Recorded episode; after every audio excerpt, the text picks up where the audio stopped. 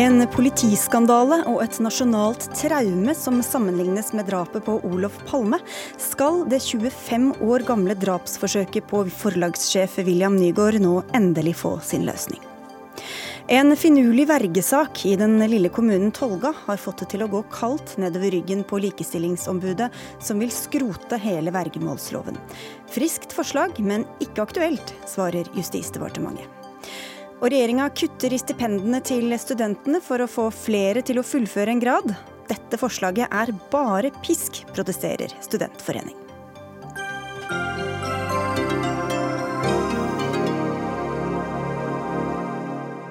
Jeg heter Sigrid Solund, og dette er Dagsnytt 18. Og vi begynner med saken som skaket hele Norge for 25 år siden, og som i dag fikk en ny dreining. Drapsforsøket på forlagsdirektør i Aschehoug, William Nygaard, i 1993.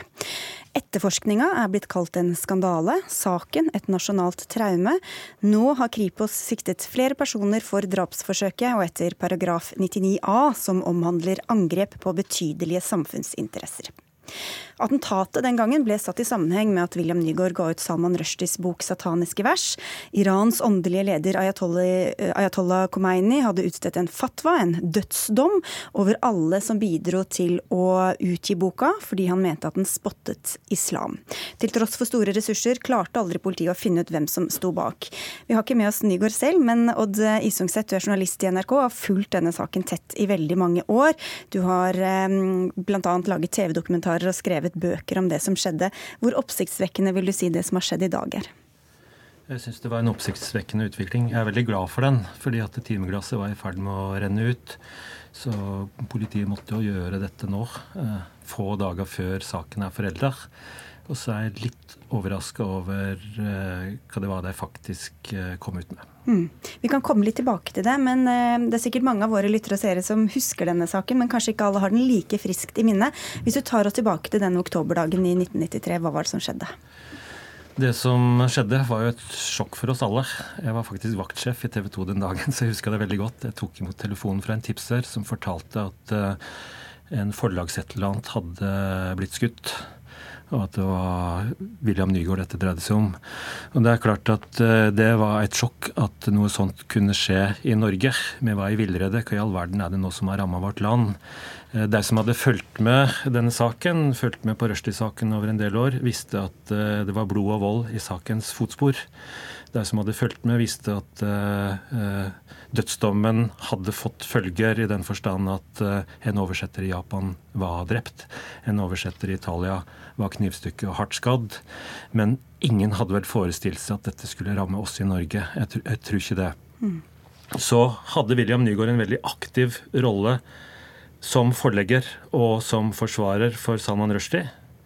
Han tok imot uh, Rushdie på Aschehougs berømte hagefest i 1992. Det var nok en provokasjon, og året etter så smalt det altså i Dagaliveien. Og jeg mener det representerer et tidsskille i Norge, det som hendte den dagen. Det var på mange måter sånn at vi tok uskylden på Norge. Mm. Og jeg mener jo at dette er det eneste islamistiske angrepet vi har hatt i vårt land. Ja, For det ble jo kobla til Iran, som jeg nevnte. Hva var det i denne boka som var så provoserende? Ja, Enkelte mente at boka var, et kapittel i boka var blasfemisk. Uh, så tror jeg at det er viktig når vi ser tilbake på dette, at dette ble nok òg brukt politisk vel så mye som religiøst. Uh, det ble haussa opp en stemning. For Iran tror jeg det var relativt viktig å skape et bilde av en stor og stygg ytre fiende. Eh, fatwaen fikk det som konsekvens. En eller annen slags form for indre samhold mot en ytre stor fiende. Sånn at når vi ser på dette og betrakta det som blasfemisk, så tror jeg på mange måter at det var litt tilfeldig at akkurat den boka ble valgt. Veldig mange av de som protesterte, veldig mange av de som påstod at dette var blasfemisk, hadde ikke lest et ord. Ante ingenting. De som demonstrerte i gatene, de som brant bøker, eh, hadde, tror jeg, neppe lest den lille biten av boka som blir oppfatta som blasfemisk. Det var noen sentrale personer. Vi er så heldige å ha noen av dem her i, i kveld. Torvald Steen, forfatter, du ledet Den norske forfatterforening i denne perioden hvor dette skjedde. Hvordan opplevde du og dere denne saken? Ja, For det første så begynte jo vårt arbeid eh, faktisk over et, over et, år før dette. Fordi vi kjempet jo imot fatwaen både i Norge, men også ute i verden. Og kjenner, jeg kjenner veldig godt igjen Isungsets eh, kommentarer angående hvordan dette ble oppfattet i deler av Europa når vi møtte konfronterte kolleger rundt omkring. Så Norge var jo allerede i spissen både blant forleggere og forfattere på det mot fatwaen og for uh, at uh, Aschehoug forlag hadde publisert uh, sataniske vers. Fordi at vi mente og mener at det er en universell rett å publisere hva man vil i en sånn sammenheng. Sånn at skuddene var et sjokk, og jeg sto Jeg kom på, var på jobben, og så kommer en rekke TV-stasjoner inn og filmer meg mens de spør Vet du hvem som har gjort det? Du vet vel hvem som har gjort det? Og så sa jeg at eh, nei, jeg vet ikke hvem som har gjort det. men Mistankene går i en klar retning. Men vi lever i en rettsstat, og, og det var jo Det ble jo samme kveld oppfattet som unnfallenhet i Sverige av min kjære kollega Kjerstin Ekman. Så det satte jo fart i debatten veldig tidlig. Vi kan komme litt tilbake til det også, men jeg vil høre også med deg først. Eh, Åse Kleveland, du var kulturminister også i denne perioden. Hva husker du best av, eh, av det som skjedde? Nei, Jeg var jo allerede engasjert eh, i Rushdie-saken før dette skjedde. Og det var en rar sammentreff, for det var samme uke som dette skjedde, så skulle hovedkonferansen i Unesco starte. Og jeg skulle satt hjemme i Oslo og filte på den talen jeg skulle holde på hovedkonferansen, som handlet om Rushdie-saken. Mm. Og som handlet om dette med at man bl.a. utstedte en in blanco-dom for masse navnløse mennesker. Eh, og eh, det var utgangspunktet. Når jeg da fikk en telefon fra departementet som sa at vet du hva, nå er William død. Mm. William Nygaard var også en veldig god venn av meg. Sånn at det hadde en, det flere, fikk, flere sider at han var skutt. Ja, ja. ja. Mm. Så, um, så, det var vel egentlig så jeg fikk skrive om talen min. Og det ble en uh, det ble en tøffere tale enn jeg i utgangspunktet hadde planlagt. Og det som var interessant, var at i etterkant av det eh, av den talen, så ble jeg bedt eh, om jeg ville ha et møte med den iranske delegasjonen i UNESCO. Så bare få dager etterpå så satt jeg der med en gruppe litt sånn mildt utseende, skjeggete, ganske unge menn som med myk stemme, men ganske kjølig blikk resonnerte seg frem til at mennesker som skriver sånt som dette, de må dø. Det var liksom resonnementet. Det var, det var det, som, det som De fortjente ikke bedre. Men hva svarte du til det? Nei, altså jeg ga meg ikke inn i noen lengre diskusjon. Det vil jeg gjerne. Det tror jeg ikke var stedet å gjøre det på. Men jeg bare sa at Norge har et helt annet syn på hvordan man håndterer saker som dette. Dette var et kort mm. møte. Men det var liksom noen ting med disse situasjonene i løpet av en veldig kort tid som er noe av det sterkeste jeg har vært med om i mitt profesjonelle liv. Og dette er jo det politiske bakteppet. Som Thorvald Steen sa, så ble han og andre også anklaget for å være unnfallende. Og det ble jo også det politiske Norge, kanskje med unntak av deg. Eh, fortell litt om de eh, Du, du møtte jo Salman Rushdie seinere. Hva, hva, slags diskusjoner hadde du med eh, daværende statsminister Gro Harlem Brundtland og andre i regjeringa om hvordan dere skulle håndtere dette? Nei, altså jeg, det var jo i forkant av det møtet som ble, som ble avholdt høsten 92, som også jeg ble invitert.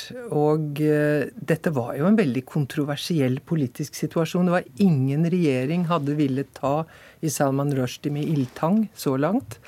Uh, vi var midt i en stor revisjon av mediepolitikken og hadde på en måte trukket inn ytringsfrihetsdimensjonen.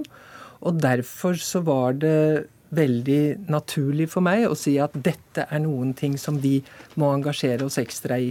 Så ble det en del runder på det, det skal jeg si. Men Thorvald Torvald og Gro var støttet uh, helhjertet opp om at jeg til syvende og sist ble med på dette møtet. Og det ble da starten på denne reisen. Torvald er Torvald, Torvald Stoltenberg, og ikke så Thorvald Steen. Du støttet vel opp om det, du òg, men ja. Det var hyggelig at gode, min gode navnebror ble nevnt. Men jeg skulle si en ting, var at um, For det første så var det ingen tvil om at norske regjeringer i forhold til andre regjeringer var mye mer aktiv. Men når det gjelder da denne store misforståelsen som jeg refererte til i stad, med at Kjersti Ekmoen fikk med seg bare det lille klippet, at vi tilhørte en rettsstat og ikke visste hvem som hadde skutt. Men eh, da hun fikk klarhet i mm. at eh, vi hadde slåss mot fatwaen i mange år, i motsetning til det svenske akademiet.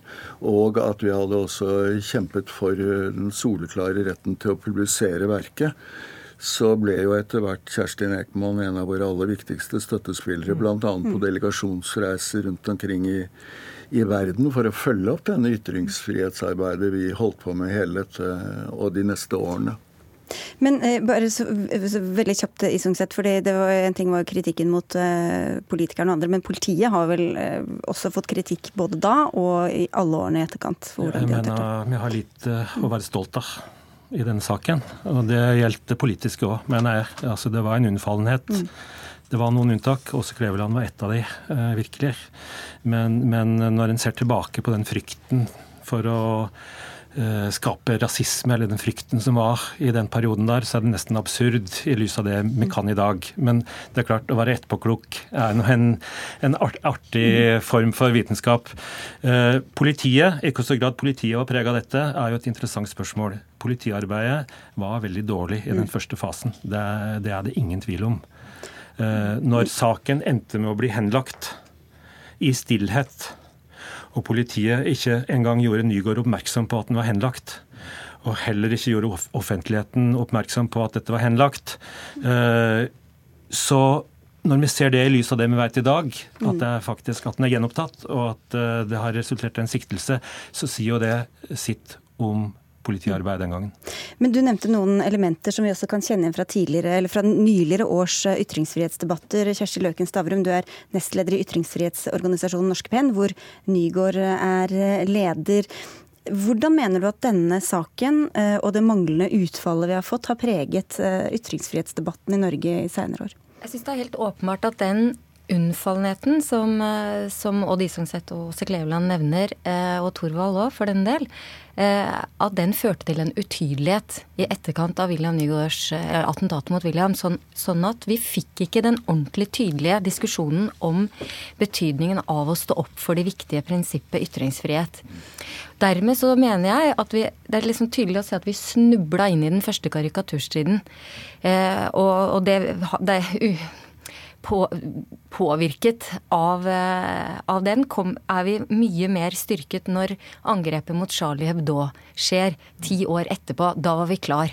Jeg tror at hadde vi hatt den debatten som attentatet mot William Nygaard faktisk fortjente, så ville vi stått mye rakere i eh, møte med karikaturstriden i, eh, i 2005. Mm. Det var altså tolv år etter etter skuddene på William Nygaard, så, så, klarer, så klarte vi altså å drøfte uh, ytringsfrihet som om det var noe relativt. Så, så er helt, helt klart at, at, den utydeligheten som, uh, som jeg nå håper at vil bli rettet opp. For det er jo det som er egentlig Det er jo mange, det er mange gode meldinger i dag, og en av de klare meldingene fra Kripos er jo at det, det var et attentat mot forleggeren William Nygaard pga. Ja, ikke en tilfeldig person som Nei. Mm. Jeg skulle si at uh, Det er også veldig viktig å huske på at denne, denne perioden uh, så var det jo sånn at det var et veldig tett samarbeid mellom forleggere og forfattere. Også overfor politimyndighetene. Og veldig mange, altså Sigmund Strømme og jeg f.eks. fikk jo en rekke polititips som ikke ble fulgt opp.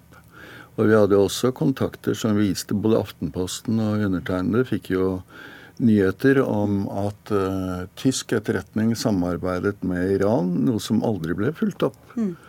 Og Aftenposten gjentok dette. Jeg har nettopp gått gjennom eh, utklipp fra denne perioden. Og, og vi merket jo også at tipsene ikke ble tatt hensyn til hos politimyndighetene. Og det er jo et uttrykk for en ekstrem grad av unnfallenhet fordi det sivile samfunnet hele tiden støttet seg på politi. Eh, i denne sammenhengen.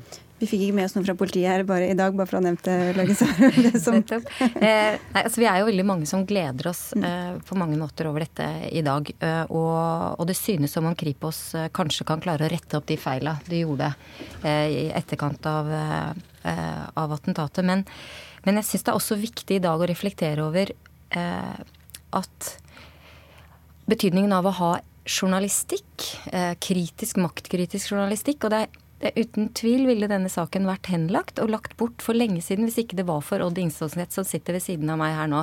Han er også en veldig viktig helt i dag. For han vil kanskje ikke si det selv, men han Nei, har vært veldig delaktig i å få den, eh, disse siktelsene på bordet nå. Han er noe så sjelden som en beskjeden journalist.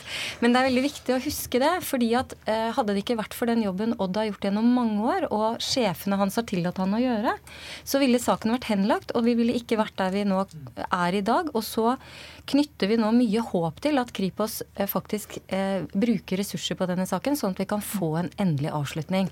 Og Veit du i sett hvem disse mennene er? Eller mennene, sier jeg, jeg antar det. Men, eh, eller hvem disse personene er, og hvor de befinner seg?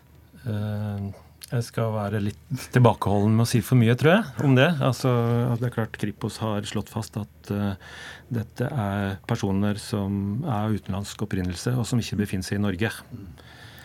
Og så er det klart eh, journalister liker å framstå som litt sånn hemmelighetsfulle, og, og, vi vet jo alltid mye mer enn det vi publiserer. Sånn er det. Mm.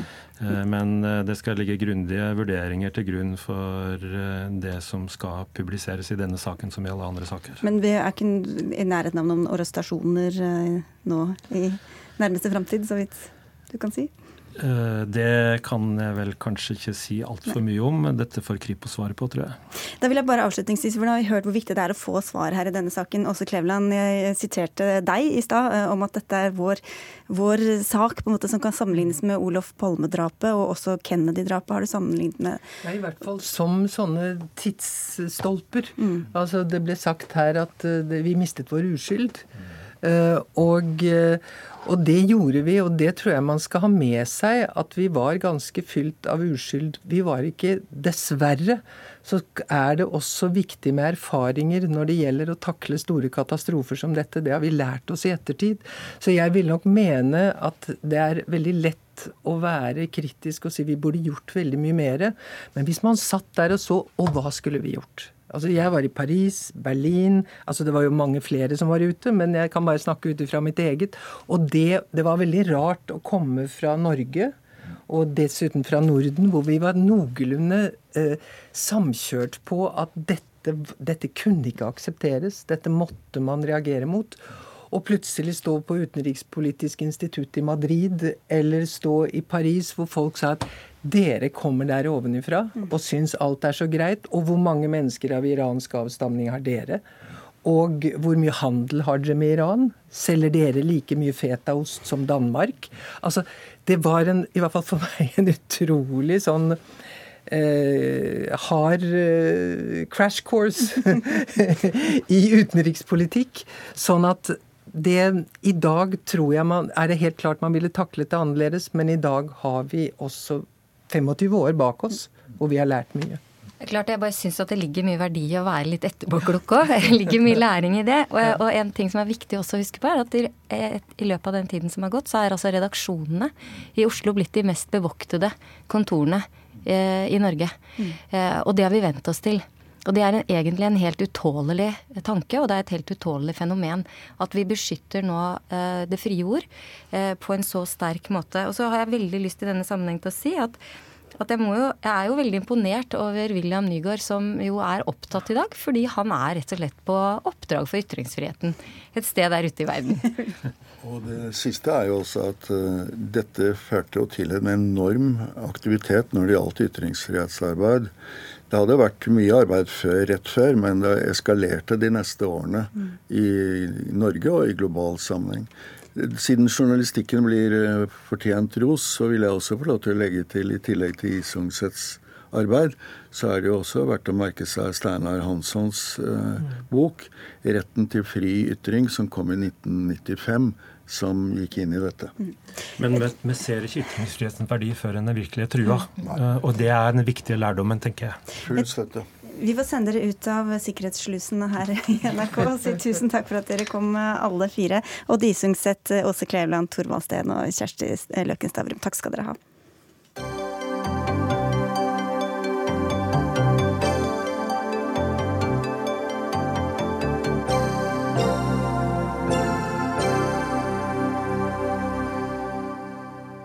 Ethvert statsbudsjett er det vinnere, og så er det noen tapere. Og noen av dem som taper eh, dersom forslaget til statsbudsjett for neste år får flertall, er de som lever på glutenfri diett med støtte fra staten.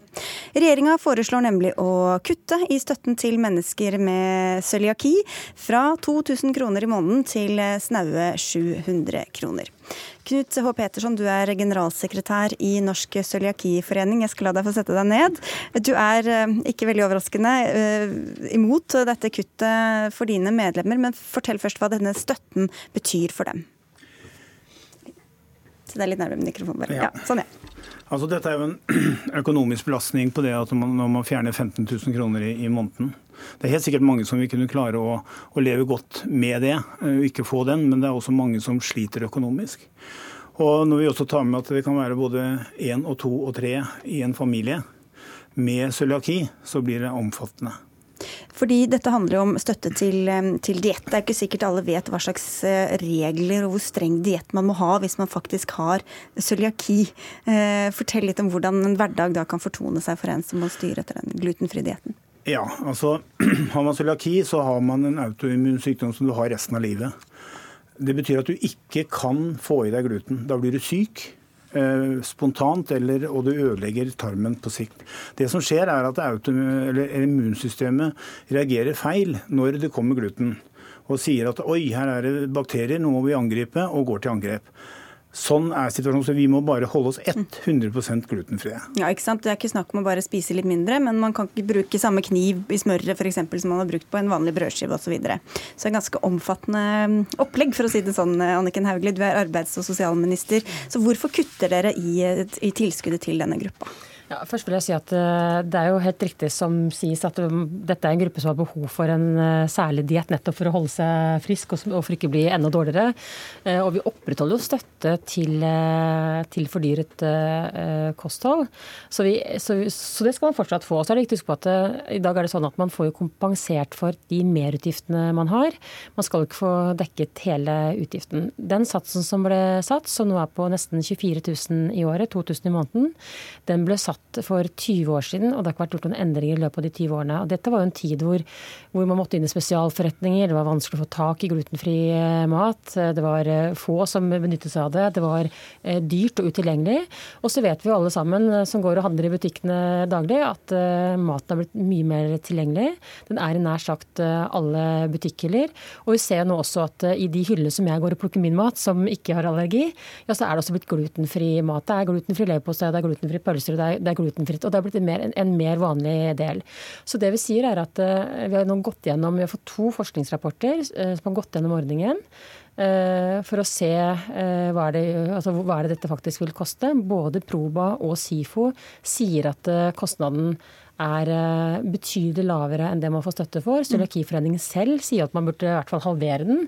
Eh, så det er jo stor enighet om at eh, dette er en gruppe som får betydelig mer penger enn det faktisk utgiften tilsier at de skal få. Er det riktig at dere mener den burde halveres? I utgangspunktet så mener ikke vi at den skal halveres, men vi har tatt tak i den rapporten som har kommet fra SIFO, og den viser til et referansebudsjett. Og, inn, og, Det er det som skaper grunnlaget for eh, politikerne. Og vi har gått inn og sett, og vi har funnet feil og mangler ved den rapporten. Og vi har levert til, eh, til Administrasjon- og sosialdepartementet en rapport om de feilene og påpekt det, så at det er de klar over. Kan jeg bare si det, for Vi har spurt om de ville være med her i dag, og de har sagt at det kunne de ikke. Men de skriver bl.a. at beregningene var ment som et utgangspunkt for diskusjon, og ikke et svar med to streker under. Altså Det var ikke heller ment fra deres side at dette skulle nødvendigvis brukes som en fasit. Hvordan mener du da at den brukes eh, i forhold til det som faktisk ble bestilt?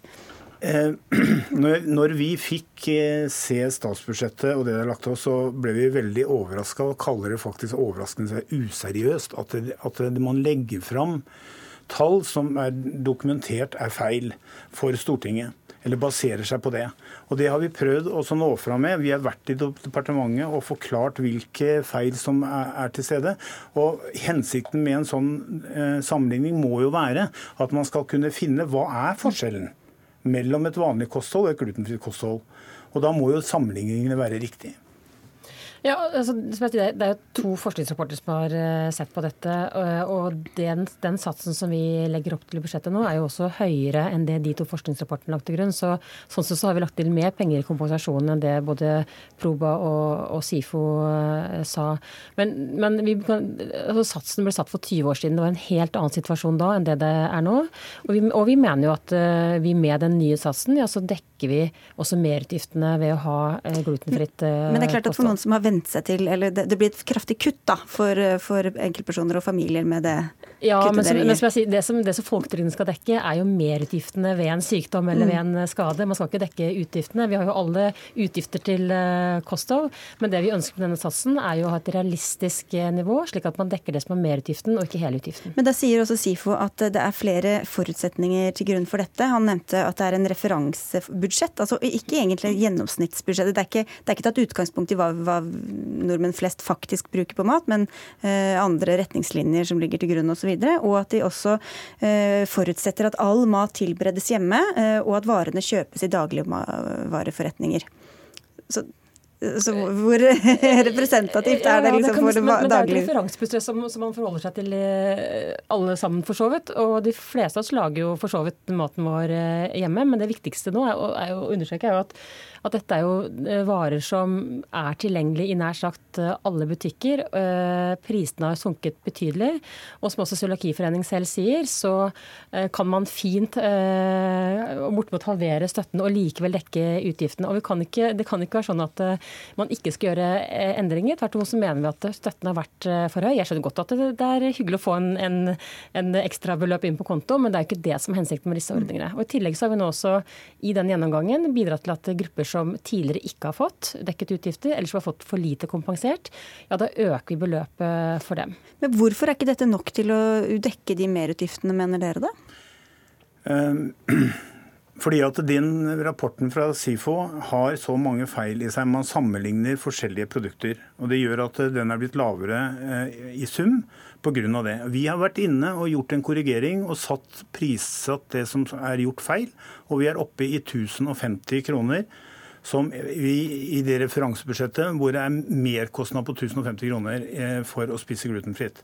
Og Det har vi spilt inn, og det er det som skal legges til grunn. Det tallet som kommer fram, det er jo litt merkelig. For at De sier jo at for kvinner så er det 565 kroner, for menn 745. Så drar man en, en, en snitt og sier at da legger vi den på 700 eller på 686. Så det som kommer frem at det er høyere enn rapporten, det er jo ikke riktig.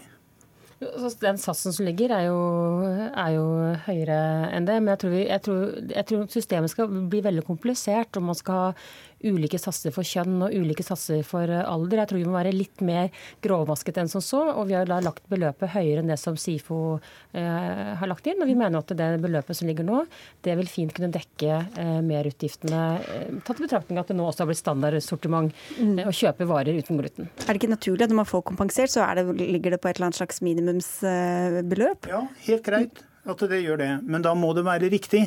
Altså Når de sammenligner forskjellige produkter, altså epler og pærer, eller appelsin og druer, som jeg pleier å, å, å eksemplifere det med, fordi at det er feil. Altså hvis, jeg, hvis, man setter et rundstykke på at det skal man ha i, i, til lunsj, og så får vi en brødskive. Hvis man setter pølse og lompe, og så gir de oss en pølse, så må, vi, må alle forstå at da er prisene lavere enn det som er riktig.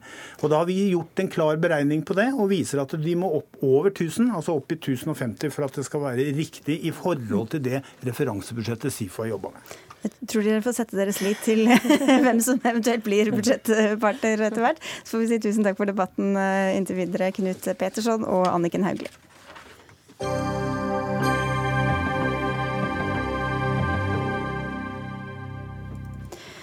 Se for deg at du plutselig får et brev i posten som fratar deg muligheten til å betale regninger, kjøpe et klesplagg eller investere i et nytt verktøy uten å måtte spørre noen om lov. Begrunnelsen er at du er psykisk utviklingshemmet, en diagnose du ikke visste du hadde. Omtrent slik foregikk det for tre brødre i den lille hedmarkskommunen Tolga. Og dette framkom i en stor avsløring i din avis, Fridtjof Jacobsen. Du er altså politisk kommentator i VG. Kan du først bare, for alle som ikke har lest saken, eh, fortelle om hovedtrekkene i det dere har skrevet om? Ja, eh, tre brødre i Tolga, eh, brødrene Holøyen, eh, har altså i mange år vært klassifisert som psykisk utviklingshemmet av kommunen sin. Og dette har utløst ekstra penger fra tilskudd til kommunen fra staten. Som det gjør hvis du har folk med psykisk utviklingshemming i kommunen din. Men de har altså ikke visst Eh, at de var eh, klassifisert på den måten. Og VG har også avdekket, de visste ikke det før de ba om innsyn i sine egne eh, måte, prosesser i den kommunen, med, med hjelp fra VG for å, for å, få de innsynene. Og de har heller ikke vært altså Diagnosene eller klassifiseringen som er bestemt, virker som er tatt på et veldig merkelig faglig medisinsk grunnlag. Eh, tvilsomt om det har vært spesialister med i bildet på alt sammen. Eh, om de faktisk har vært observert, eller om dette er nærmest gjort eh, på papiret uten at de var klar over det. Og Dette har jo også da ledet til en konsekvens at to av dem i en periode, nå er det opphevet for to av dem, også denne klassifikasjonen som psykisk utviklingshemmet det ble, ble opphevet med innsynet kom, men, men var det også det ble anført som en, en, grunn til at de ble satt under vergemål uten å ha gitt samtykke til det selv. Fordi var liksom, de var jo psykisk utviklingshemmet, ifølge kommunen. Ja, for dette med pengene som du nevnte, da kan det altså virke som at uh, ut fra det dere skriver, eh, rådmannen sa at her er det en uh, god kilde til, til støtte ja, fra staten det, hvis vi får flere utviklingshemmede. Ja, det, det, er jo det oppsiktsvekkende i saken. Feil diagnoser det, det, kan jo skje.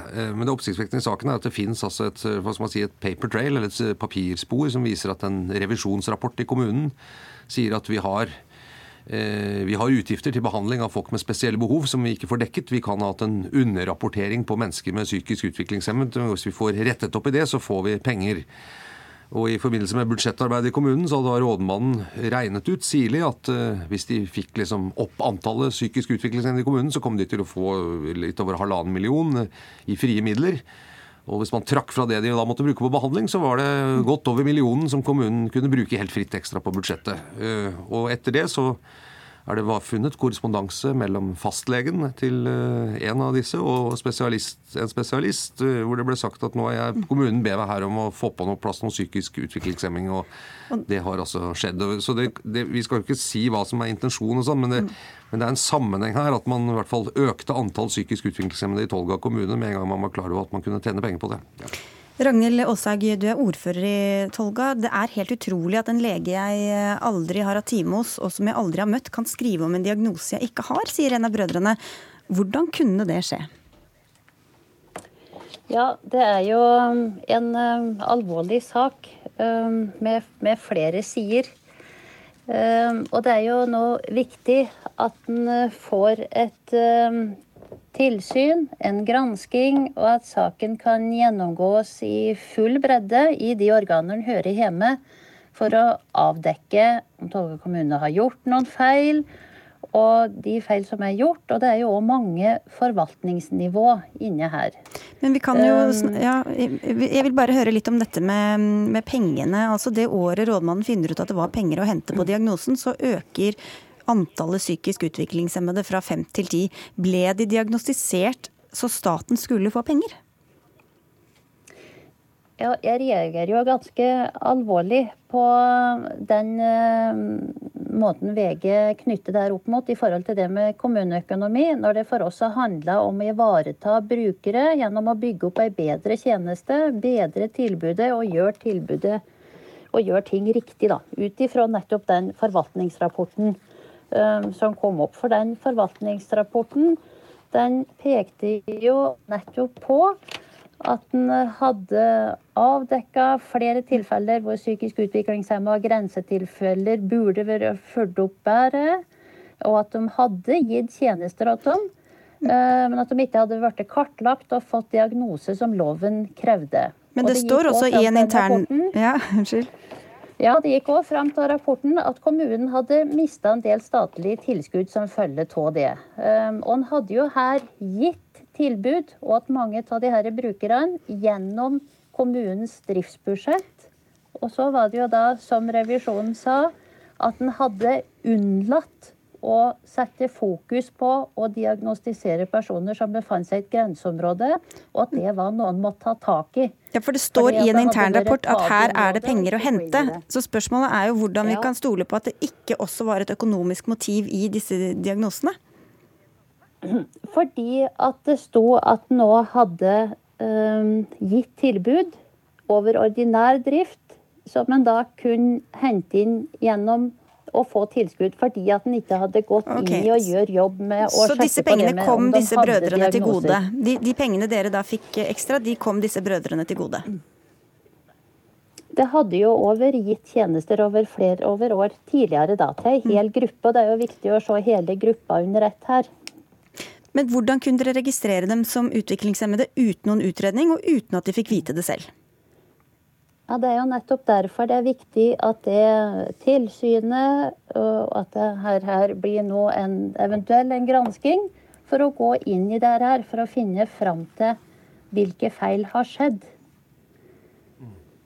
Eh, ja, det, da dette ble oppdaget og man fikk inn spesialister på to av brødrene eh, En av de har fortsatt diagnosen moderat psykisk utviklingshemmet. Han har også en annen sykdom. Eh, så sa spesialisten at det var ikke noe grunn med det, med det, materialet man hadde på dem til å gi dem en slik klassifikasjon. Så den diagnosen var, mente han var feil og fattet på, på, galt grunnlag. Og den ble da opphevet. Det er jo viktig å få med seg her. Eh, når ordføreren sier at det gjaldt å liksom gi folk som trengte et tilbud, den rette diagnosen. Men diagnosen var altså feil i to av tilfellene. Eh, I tillegg så har det også vært frustrerende i denne prosessen for brødrene er at da de prøvde å få innsyn i sin egen sak, å vite hvordan de var blitt klassifisert, og hva som lå bak av vurderinger, f.eks. på hvorfor de ble betegnet som psykisk utviklingshemmede, eller, eller også i forbindelse med anbefalinger ut vergemål, så har kommunen eh, motarbeidet det med hensyn til å si at det har vært eh, taushetsplikt, det er vurderinger vi ikke kan dele osv. Disse tre brødrene har sagt vi opphever taushetsplikten på våre vegne. Eh, vi ønsker ikke at vi kan frita dere fra det når det gjelder forhold som man må selv gjøre, men, men kommunen har motarbeidet liksom, jakten på å finne premissene for dette hele tiden. Helt til nå hvor det prisverdig sies at nå skal det granskes og åpnes. Da er det viktig å ha med seg at brødrene altså har fritatt eh, de involverte for taushetsplikten om seg selv. Så får vi se om det gjør at alt kommer på bordet fra Tolga kommune. Men det mener jeg det må gjøre. Du skal få en kommentar til den, Åshaug. Ja, det er jo viktig det her vi har prøvd å, å begrunne litt i hvorfor en ikke har gått ut med mer opplysninger her, selv om en er fritatt for taushetsplikten. For det handler jo òg noe om at en kan sitte på mye opplysninger som gjør at en ønsker å skjerme dem det gjelder, og få opp det her gjennom de organer der det hører hjemme, og ikke da gjennom en, en skittentøysvask i, i pressa. Så som sagt, vi ønsker veldig at det her skal gjennomgås, men ikke gjennom pressa. Ok, Vi skal til en litt mer prinsipiell debatt også, fordi dette vergemålet som det er snakk om, er altså et eh, hjelpetiltak for personer som pga. sykdom, skade eller funksjonsnedsettelse trenger hjelp til å ta vare på økonomien sin eller rettighetene sine. Det er vanligvis frivillig og krever samtykke fra den det gjelder. Hanne Bjurstrøm, du er likestillings- og diskrimineringsombud, og du går eh, hardt ut mot dette i en kronikk i VG og mener at loven må gjennomgås kraftig. Hvorfor det? Det som er alvorlig og denne saken avdekker, det er altså at her har vi med tre eh, brødre å gjøre, som samlet sett eh, både får en diagnose og blir satt under såkalt frivillig vergemål, samtidig som de veldig tydelig tar til orde mot det. Og det er på en eller annen merkelig måte mulig innenfor dagens eh, rettslige system, fordi lovgivningen rundt dette er veldig utydelig. Mm. Og det vi mener er, i tråd med for så vidt også Justisdepartementets egen tolkning av loven, eh, lovavdelingen der, at man må for det første klargjøre den, det regelverket, slik at hvis man motsetter seg dette, så er man over i de tvungne reglene. Man kan ikke bruke frivillige regler på noen som klart motsetter seg dette. Det andre som er mer overordnet, som vi er opptatt av, det er jo at vergemålsordningen er en gammeldags, veldig paternalistisk ordning som er langt tilbake i tid. Den harmonerer dårlig med moderne syn på mennesker med ulike eh, funksjonsnedsettelser. Og vi tar til orde for, eh, i likhet med veldig mange andre, en ordning med beslutningsstøtte. At vi tar vare på folk som har utfordringene, men at man istedenfor å få en verge som tar over hele livet ditt, så får du en person som hjelper deg eh, i de viktige beslutningene du skal ta eh, i livet ditt. Sveinung Rotevatn, statssekretær i Justisdepartementet. Hva mener du at denne saken sier om hvor godt loven fungerer, og hvor tydelig den er? Jeg tror det er mange sider ved denne saken her ser at det er grunn til å se på det ene og det andre. og Regjeringa har jo også bedt om eh, en forklaring fra Fylkesmannen på hva som har skjedd, eh, og jeg skjønner at de skal granske lokalt. Men når det gjelder eh, innspillet her om at eh, vi trenger en ny vergemålslov, som Bjurstrøm tar til orde for i avisa i dag, så eh, er vi ikke enige i det. Vergemålsloven er faktisk veldig ny. Den trådte i kraft i 2013. Og vi mener at den balanserer godt de ulike hensynene. Fordi det er jo riktig som det blir sagt, at skal du inn i et ordinært vergemål, så skal det baseres på samtykke. Det er ikke sikkert at Fylkesmannen kan bare beslutte å sette deg under vergemål uten at du har samtykka til det, og iallfall ikke uten å ha møtt deg og kartlagt den reelle viljen din. Det er det som skal skje. Men føler du deg trygg på at ikke det finnes flere sånne eksempler som det vi har sett i denne saken? Eh, jeg tror nok at det alltids eh, kan finnes eksempel der regler ikke blir fulgt. Eh, og I den grad en skal være selvkritisk her, og det bør en jo være, så har det nok vært det har vært til dels ulik praksis mellom fylkesmennsembeter på hva du gjør når du snakker om en person som ikke er samtykkekompetent. Da har jo en del meint at hvis du ikke er samtykkekompetent, ja, da kan vi bare bestemme over livet ditt. Slik er ikke lova å forstå. Du skal kartlegge den reelle viljen hos vedkommende uansett. Og hvis den er at du ikke ønsker vergemål, da skal det ikke iverksettes vergemål. Og hvis loven er brutt, så betyr jo ikke det at loven ikke fungerer, Bjørsum? Altså Poenget her er at uh, dette er jo det mest inngripende du kan gjøre overfor et menneske. Hvis du får en fengselsstraff, så er den som regel i hvert fall begrenset i tid. Men her blir du satt helt under administrasjon. Og hvis det er sånn at praksis er uh, forskjellig, at, og det er den fordi at loven er litt uh, utydelig, så kan vi i hvert fall være enige om, i tråd med en uttalelse fra Lovavdelingen, altså Lovavdelingen i Justisdepartementet, kan vi i hvert fall gå inn og se på om vi kan gjøre lovbestemmelsen tydeligere. Så det er det ene. Ja, det er det, det ene. Men jeg får Rotevatn svare på det. Altså, det har fått kritikk fra egen lovavdeling også på praksisen. Så hva sier det om hvor tydelig og hvor klar denne loven er? Nei, altså Fylkesmennsembetet sjøl som har ansvar for dette, her, de ba om en uttalelse fra Lovavdelinga på hvordan lova er å forstå. Den har de fått, den er veldig tydelig, den er kommunisert ut til alle fylkesmennene. Så nå skal praksis være tydelig kommunisert. Men vi driver også med et arbeid i departementet nå på å presisere selve lovteksten, bare for å være helt sikre på at alt nå skal være tydelig og klart. Og det som er regelen er at du skal samtykke til et vergemål, og du skal kartlegge den reelle viljen også til de som ikke har samtykkekompetanse. Men så sier Bjørsheim at det holder ikke med det. Man vil, vil egentlig skrote hele loven. Er, og du som liberal, liberal politiker, hvordan, hvordan, lever du med, med dette at man nå skal liksom bare ta over livet til, til en annen person? Nei, Det er jo selvfølgelig aller siste utvei. og altså, I de tilfellene du snakker om at du blir fratatt rettslig handleevne, ja, da må du til en domstol. og Det gjelder ekstremt få i dette landet. Jeg tror rundt 200 mennesker. Eh, og De aller fleste er jo heldigvis godt i stand til å ta vare på seg sjøl, sitt eget liv, sine økonomiske interesser. Men så finnes det jo noen få som pga. alvorlig sykdom, pga. demens og andre ting, trenger hjelp til å ta beslutninger, trenger hjelp til å ivareta sin økonomi. Så ordninger for det må vi ha. Og vi mener at den lova vi har i dag, der reglene som gjelder er gode nok men vi har sikkert ikke vært gode nok tidligere til å kommunisere tydelig ut til alle skal praktisere lova, hva som gjelder. Jeg er også enig i det at der hvor man i dag anvender tvungent vergemål, så er det også diskusjoner, men det tror jeg er enig med deg i at det kan være behov for. Vi snakker om der hvor det er frivillig.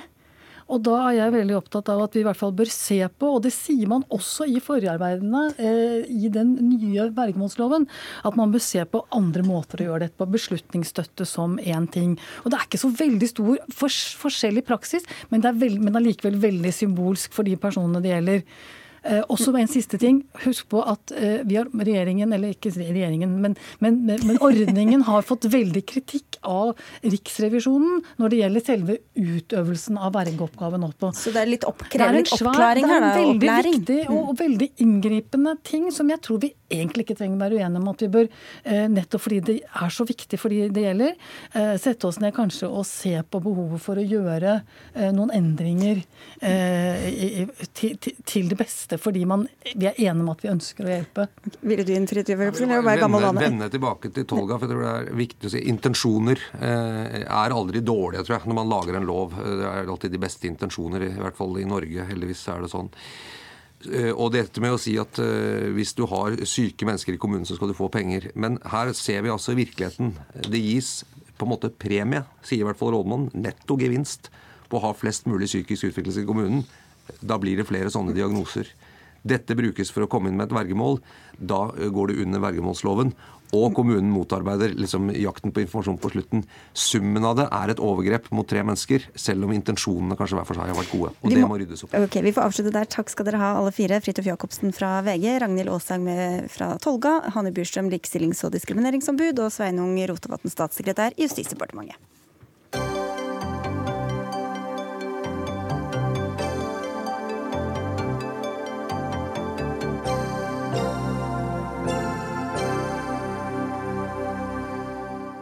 Vi må hjelpe i nærområdene, det er gjennomgangstonen når Høyre og Frp snakker om flyktninger og bistand. Men i forslaget til neste års statsbudsjett øker det ikke på denne posten utover prisjustering. Andre deler av bistandsbudsjettet plusses på, men ikke den humanitære bistanden. Og dette henger ikke sammen med hvordan regjeringa har snakket om en kraftig satsing på bistand, sier du Jan Egeland, du er altså generalsekretær i Flyktninghjelpen. Eh, ja, jeg ble litt eh, skuffet da jeg leste budsjettet, som for øvrig er eh, storartet. Man gir 1 til i, i, internasjonal hjelp. 3000 kvoteflyktninger er veldig flott. Men 250 millioner mer til humanitær innsats i verden, herunder alle verdens flyktninger, humanitære naturkatastrofer osv., det er nesten ingenting. Så Min realitet nå, eh, som leder en stor eh, organisasjon i disse såkalte nærområdene, er at vi skjærer ned på hjelpearbeid i Uganda, i Tanzania, i Kenya. Eh, mindre per flyktning. Jon Helgheim, innvandringspolitisk statsperson for Fremskrittspartiet. En prisjustering, hvordan kan det kalles en kraftig satsing som dere har lovet? Ja, Det kan vi faktisk komme tilbake til med alt som har vært gjort. Men jeg må jo først svare på den direkte kritikken her. Fordi det er rart når vi i senest juni på landsmøtet til Frp inviterte til et bredt samarbeid med alle de andre partiene og sa det at vi er villige til å øke kraftig på hjelp i nærområdene mot at vi tar imot færre flyktninger til Norge. Frigjøre de ressursene i Norge og hjelpe langt flere som trenger det mye mer i nærområdene. Det ble avfeid av alle. Og da er det jo ikke rart at det ikke ble noe sånn satsing. Så det er de 3000 kvoteflyktningene som gjør at dere ikke øker i denne delen av budsjettet? Frp la opp til at dersom vi skal øke hjelpen i nærområdene kraftig, så skal vi først kutte i ankomstene. For vi har ikke tenkt å ta fra skole, ta fra samferdsel eller helsebudsjett i Norge. Vi må frigjøre på de som kommer i Norge. Da syns jeg det er litt rart at Jan Egeland ikke sto på barrikadene og kjempa for vår sak, og sa at de andre partiene må lytte til Frp. For hvis vi tar imot færre kvoteflyktninger til Norge, så vil det faktisk frigjøres store midler til å hjelpe langt flere i nærområdene. Akkurat sånn som Jan Egeland vil. Og jeg og Jan Egeland er egentlig enig i den saken. Men så er det jo helt feil at det ikke har vært en storstilt satsing på både hjelp i nærområdene og bistand generelt fra denne regjeringen. Ja, Da er det nærområdene vi snakker om ja. nå, Egeland. Ja, altså Realiteten er jo ifølge regjeringens egne tall at man sparer 3,4 milliarder kroner på at det kommer så få flyktninger til Norge. Asylsøkerantallet har aldri vært lavere, iallfall ikke i moderne tid. Eh, det er, eh, Og 3000 kvoteflyktninger er jo ikke et stort antall alt i alt. Så, så 3,4 milliarder kroner spart.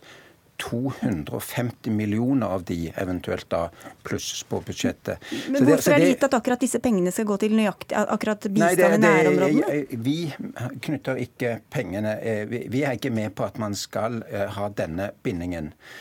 Eh, men at det, ikke er, at det ikke er penger på budsjettet, det, det, skjønner vi ingenting av. De sparer altså store, store midler. De snakket om et krafttak. Listhaug, Sandberg, Høyre-politikere, alle har dratt til våre leirer. er imponert over det vi, gjør, eh, det vi gjør der. De ser behovene og så sier nå kommer krafttaket. Det har ikke kommet eh, overhodet. Hvis eh, vi hadde fått gjennomslag, så kunne det kommet enda mer. Men så er det to ting som Egeland nå glatt overser. Det ene er at Norge og med denne regjeringen tok initiativ til en samling i London hvor vi eh, sa fra norske myndigheter at vi skal gi 10 milliarder kroner til nærområdene til Syria. Og det var en historisk satsing som ingen andre har gjennomført. Og vi ligger helt i verdenstoppen på nærområdene og hjelp til Syria. Og det arbeidet det har man fulgt opp, og det, eh, det er fullført neste år. Og så er eh, den andre biten av det Når vi har redusert kostnadene til asylinnvandring f.eks. til Norge, så har det fra 2015 til og med 2018 blitt frigjort 5,2 milliarder kroner som har gått rett til bistand. Så det er helt feil det som ble sagt at det ikke har vært en stortingssatsing. Men det kunne vært mer hvis man hadde lytta på Frp. Ja, eller det er jo noe, din egen regjering da, som i så fall må lytte til Frp. Nei, det er jo dere som går inn for de 3000 kvotene. Det er bare Frp som tar det standpunktet at hvis vi klarer å redusere antallet som kommer til Norge, så kan vi frigjøre midler og hjelpe. Ja, men det har dere gjort. Det her går, så når dere setter dette opp mot hverandre, hvorfor har ikke alle de pengene som dere da sparer på lavere asylankomster, gått til hjelp i nærområdene? For de som har fulgt med, så har de funnet ut nå at det er et stort flertall for å øke kvoteflyktningene litt. Grann. Ja, men nå snakker vi om asylankomstene. Ja. Du sa, sa ikke du i morges at det er omtrent 3000 er det som er kommet i år, Stemmer. de siste årene? Stemmer. Så hvis den summen er den samme, men summen vi sparer, for å bruke det ordet, mm. på lavere asylankomster, den burde vel da ifølge den logikken gått til bistand i nærområdene? Det gjør den. 5,2 milliarder kroner fra 2015 til 2018 har blitt kutta på kostnader til asylbehandling og gått rett over til bistand. Så det gjøres, men det kunne vært mer. Hvis man hadde lytta til, hadde til Frp, så kunne det vært mer. Nå sitter jeg faktisk eh, med tallene her. Eh, totalbistanden eh, i humanitær hjelp, herunder flyktninghjelpen, var 3,2 milliarder i 2013. Så var det 50% høyere fem år etterpå, altså i, 20, i 2018 var det 5,1, og neste år skal det være 5,3 milliarder. I den perioden hvor det har økt med 50% på fem år, har hjelpebehovet i verden økt med 300% Så jeg spør igjen, eh, vi loves et krafttak for flyktninger i nærområdene å øke med 50 Men Hva er et krafttak, da? Et krafttak må, må vel, kunne vel f.eks. være at man følger tritt med behovene i disse såkalte nærområdene. Det vil være 300% 50% er det ikke. Eh, man kunne da brukt 3 eh, milliarder f.eks. mer, ikke 250 millioner ettersom man allerede sparte disse pengene. Ja, det, det, er mange måter kunne, å se det på. Det kunne man fått hvis eh, Jan Egeland hadde tatt oss i forsvaret og sagt at det er fornuftig å gjennomføre FrPs politikk som sier at vi bremser på tilstrømningen av kvoteflyktninger til Norge, frigjør midler, hjelper langt flere som trenger det mye mer i nærområdene. Det var vår konkrete invitasjon. Nei, ikke på kvoteflyktninger. Det var vår konkrete invitasjon. det er jo din regjeringspolitikk da, å ta imot de 3000 kvoteflyktningene? Ja, men vi inviterte til et bredt forlik, et bredt samarbeid, og ble blankt avvist fra alle hold. Hvis man hadde gått med på det, så kunne saken vært enda høyere. Men så er det helt feil å si at det ikke har vært en rekordsatsing på hjelp i nærområdene. Det er ingen andre som har satsa så mye. Norge ligger i verdenstoppen. Det sitter to stykker på utsiden og venter. Jeg tror ja, altså, vi må Vi hadde 5% andel av totalt arbeid for fem eh, år siden. I dag har vi 2,5% Så andelen har også gått ned internasjonalt de fem siste år. Takk skal Takk. dere ha, Jan Egeland, Jan Egeland fra Flyktninghjelpen og Jon Helge Engen fra Fremskrittspartiet.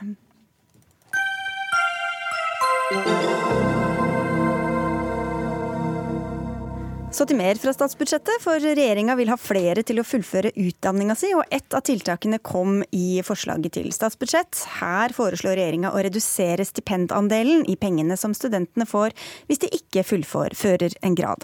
Det vil si at en mindre del av lånet blir omgjort til student, nei, til stipend, eh, slik at studenten altså må betale mer i lån hvis han eller hun dropper ut underveis. Så Iselin Nybø, du er minister for forskning og høyere utdanning. Du sa til VG at det uroer deg at det er så mange som begynner på utdanninga uten å ta en grad.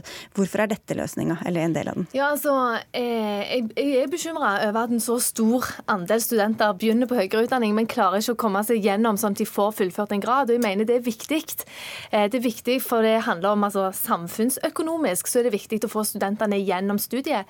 Men det er òg viktig for den enkelte som skal ut i et arbeidsmarked, som skal få seg en jobb, og som skal kjempe om lønn, eh, at de har en grad. Og da, da bruker vi økonomiske insentiver da, for å oppnå det vi, det vi vi vil.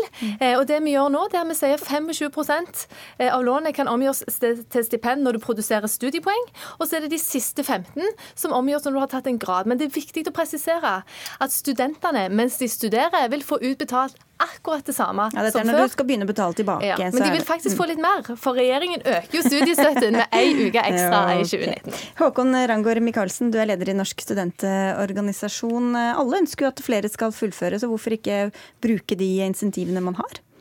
Jeg tror det er helt riktig. Alle vil at man skal gjennomføre. Det, jo, det kommer jo både enkeltindividet og samfunnet til gode. Eh, men her er det jo tiltak som fører til at det er mange flere studenter som kommer til å få høyere gjeldsbyrde. uten at man vet noe om effekten av dette tiltaket. Altså, vi er ikke sikre på at, hvordan dette kommer til å fungere, og for hvor mange. Men samtidig så kommer da de studentene som enten har valgt feil første året på studiet, og bytter til noe som de ja, trives bedre med, Eh, de vil jo da få høyere gjeld for det året de valgte feil. Eh, og så har man andre tilfeller, f.eks. en lærer eller lektor som har lyst til å utvide undervisningskompetansen sin og tar et år ekstra med studier. Eh, så vil det også være høyere gjeldsbyrde for det året. Hvis du tar det første, Nybø. altså Noen blir redde for å bytte over til et studie de kanskje passer bedre inn i, men så tør de ikke fordi at de vet at da får de mer penger å betale tilbake. Ja, Altså, I Norge så er vi veldig heldig stilte. Vi har gratis utdanning. Vi har et av verdens beste studiefinansieringssystemer. Er, er du enig i at det kan være en fare ved det? Så, ja, eller jeg tenker litt sånn um, Det de risikerer da, det er ca. 17 000 kroner ekstra uh, i studielån når de er ferdige, har kommet i jobb og skal begynne å betale tilbake igjen. Og jeg tror ikke at det er det som er avgjørende hvis du innser F.eks. begynner på jussen, tar et år på jussen og innser nei, jeg skulle heller blitt sykepleier. Da er det ikke de 17 000 som, som, bestemmer om du skal bytte eh, eller ikke bytte. Men det er viktig å få studentene igjennom. Og i dag så er det en mye større andel som dropper ut i Norge enn i andre land vi liker å sammenligne oss med. Bare litt over seks av ti fullfører en grad. Og det er jo snakk om et gode som studentene får av samfunnet, så helt unaturlig er det vel ikke å tenke at man skal ha noe tilbake. Det, det finnes jo allerede mange økonomiske insentiver. Altså, her er det jo snakk om uh, hvis du ikke består eksamen din f.eks., så kuttes jo støtten din fra Lånekassen. Uh, eller hvis du ikke har progresjon nok i studiene, så mister du studieplassen din ved institusjonen. Så det er ikke det at det ikke finnes insentiver. Og mye av det er, er, bra at det er der. Man må kunne stille noen krav. men det her vet vi ikke hva effekten er av. Og, det er helt riktig at vi må få inn tiltak for å få folk gjennom studiene. Men da tror jeg det er bedre å se på type rådgivningstjeneste se på eh, flere kvalitetsløft, sånn som regjeringen jobber med i langtidsplanen, som man jobber med i Stortingsmellom stortingsmelding eh, kultur for kvalitet i høyere utdanning. Alle de tiltakene kan bidra til å få folk gjennom utdanningen. Hvor mye har dere beregnet at dere skal spare på dette, Nybø? Ja, dette er jo et grovt anslag. Eh, og hvis hvis alle gjør sånn som regjeringen ja, men, vil, så er det null kroner. Ja, det er nemlig det. Men, men hvis, dere har lagt inn et ja, et annet. 250 millioner. 250. Så, så, dere beregner egentlig at det ikke fungerer etter hensikten, da? Nei, altså Vi har jo et mål om at flere skal fullføre en grad. Ja, men dere beregner med at ikke det skal fungere? Jo, men dette er jo sånn at eh, hvis, hvis, det nå er sånn i 2019 at alle fullfører en grad, så, så sparer vi ingen penger på dette. Eh, så dette er jo et tiltak Men det er ikke det som er lagt inn i budsjettet? Nei, det er ikke det som er lagt inn i budsjettet. For det, vi har jo, men det er et grovt anslag. Vi vet jo, vi vet jo ikke hvor mange vi får ekstra gjennom. Skal være et insentiv, så har dere regnet med at insentivet ikke skal fungere 100% etter hensikten. Men det er sånn, du må jo legge inn, jo legge inn et estimat eh, når du lager et statsbudsjett. Eh, men det er klart det er et mål for regjeringen å få flere til å fullføre. I dag så er det bare litt over seks av ti som mm. fullfører en grad. Men jeg er enig med studentene i at vi må gjøre andre ting òg. Det er derfor regjeringen òg satser på å styrke kvaliteten i undervisningen. For da har vi noen individuelle insentiver eh, for å gjennomføre, og så må vi styrke kvaliteten, sånn at det òg er med på å få flere til å ta en grad. Og hvis eh, flere er som meg og tok tre forskjellige utdanninger uten tanke på hva som skulle betales tilbake en eller annen gang, så er det vel ikke gitt at liksom man lar være å forfølge drømmene sine bare for å spare noen tusen kroner ti år fram i tid? Nei, men da blir det jo gjeldstynget, og det sier jo også i regnestykket her. Da. Da, sparer, da sparer man jo 256 millioner på å kutte i stipendene til studenter, og det syns jo ikke vi noe om.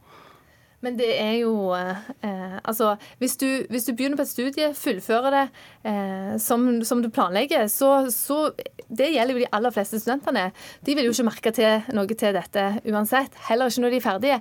Ingen studenter kommer til å merke noe til dette mens de studerer, for de kommer til å få utbetalt akkurat det samme som før, bare litt mer, siden regjeringen faktisk øker studiestøtten. Men det er når du er ferdig, når du, når du er i jobb, når du skal begynne å betale, betale tilbake igjen studielånet. Ja, det er ikke noe morsommere da. Det er da du har bitte litt okay. Jo, jo, du har hatt mye morsomt og mye god nytte av det studielånet okay, du tok av. Ti sekunder på tappen her. Ja, samtidig så ønsker man jo også at flere av de som er i jobb, skal ta etter videreutdanning. Og det her er jo med på å stramme inn da, og gjøre det vanskeligere, og mindre fleksibelt i systemet. For du får ikke noen ny grad for det om du tar et års ekstra studie? Nei, ikke sant. Ja. Og det er jo flere som ønsker det. Den rakk du ikke å svare på, Iselin Nybø, men takk skal du ha for at du kom. Takk også til deg, Håkon Rango. Du er eh, sendingen over. Det var Anne Katrine Føhli, Finn Lie og jeg, Sigrid Solund, som hadde ansvar for den. Takk.